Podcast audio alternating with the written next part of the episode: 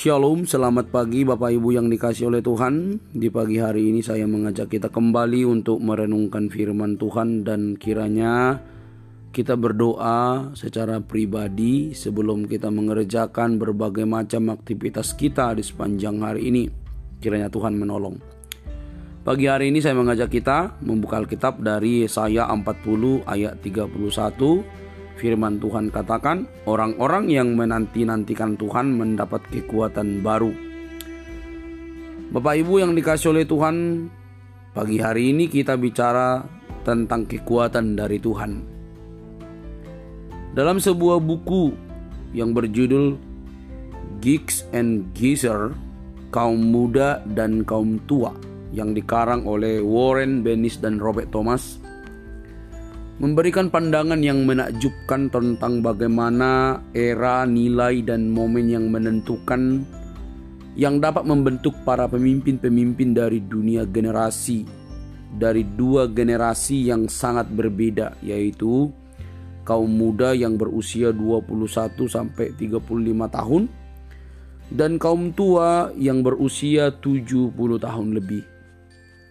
Bagaimana mereka memiliki penemuan yang menyebutkan bahwa di antara kelompok kaum tua, setiap orang yang mampu memainkan peran kepemimpinan adalah yang dapat mempertahankan sikap rasa ingin tahu, antusiasme, dan keberanian, kehangatan, dan semangat.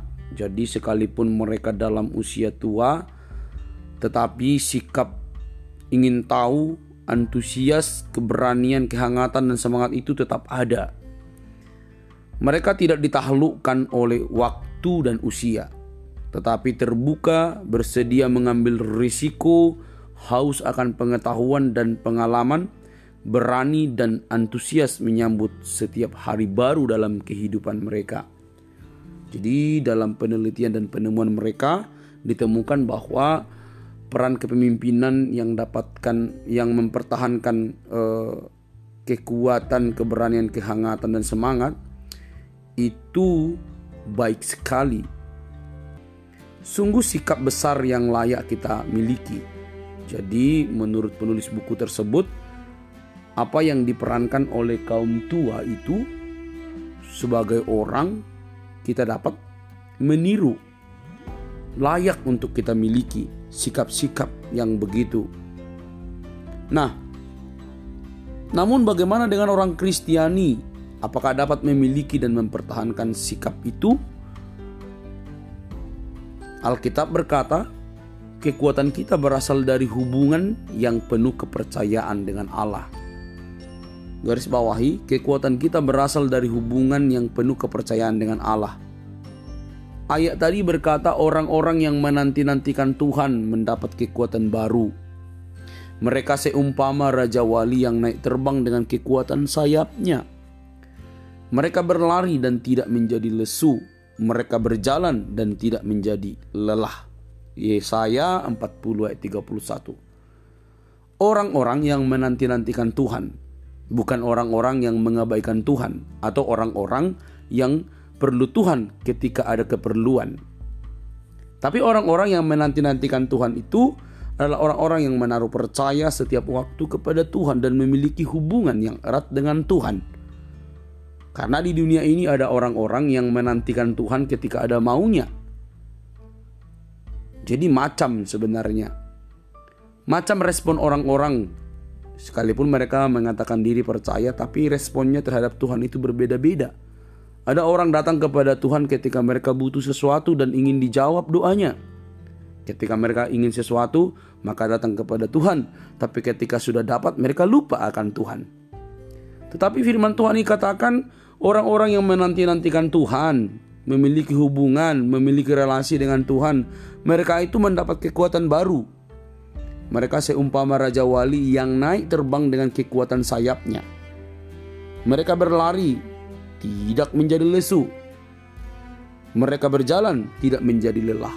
Artinya bukan tanpa kelemahan, bukan tanpa godaan, bukan tanpa masalah, tetapi sekalipun itu tersedia, mereka tetap kuat karena mereka berelasi dengan Tuhan. Jadi garis bawahi, kekuatan itu berasal dari hubungan yang penuh percaya kepada Allah.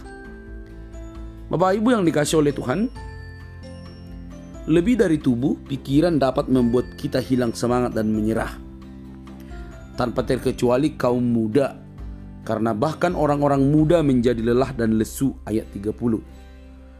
Allah memberikan kita kekuatan kepada kaum muda dan tua yang menaruh harapan kepadanya kepada siapa kita berharap? Dia Tuhan mengarahkan roh kita untuk berlari, berjalan, terbang tinggi ke arahnya, ke arah Tuhan. Jadi Tuhan itu sedang menuntun kita untuk terus mengejar, bertumbuh ke arah Dia, Tuhan kita. Jadi apa yang diperintahkan Tuhan, merupakan sesuatu hal yang harus kita laksanakan karena dari sana kita mendapatkan kekuatan yang baru. Bapak Ibu yang dikasih oleh Tuhan, yang berharap pada Tuhan selalu mendapat kekuatan baru. Jadi, jangan berharap kepada manusia, berharaplah kepada Allah.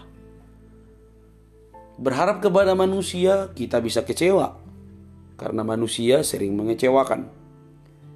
Tetapi berharap kepada Tuhan di waktu yang tepat, apa pun yang kita harapkan, kita mendapatkan kekuatan. Bukan soal keinginan atau apa yang kita inginkan tercapai, tapi soal bagaimana hubungan kita dengan Tuhan itu baik dan kita mendapatkan kekuatan dalam menjalani kehidupan kita sehari-hari erat dekat dengan Tuhan. Saya berharap kita terus berharap kepada Tuhan. Itu satu-satunya kekuatan kita. Dan saya tidak tahu apa masalah kita hari ini, apa pergumulan kita masing-masing.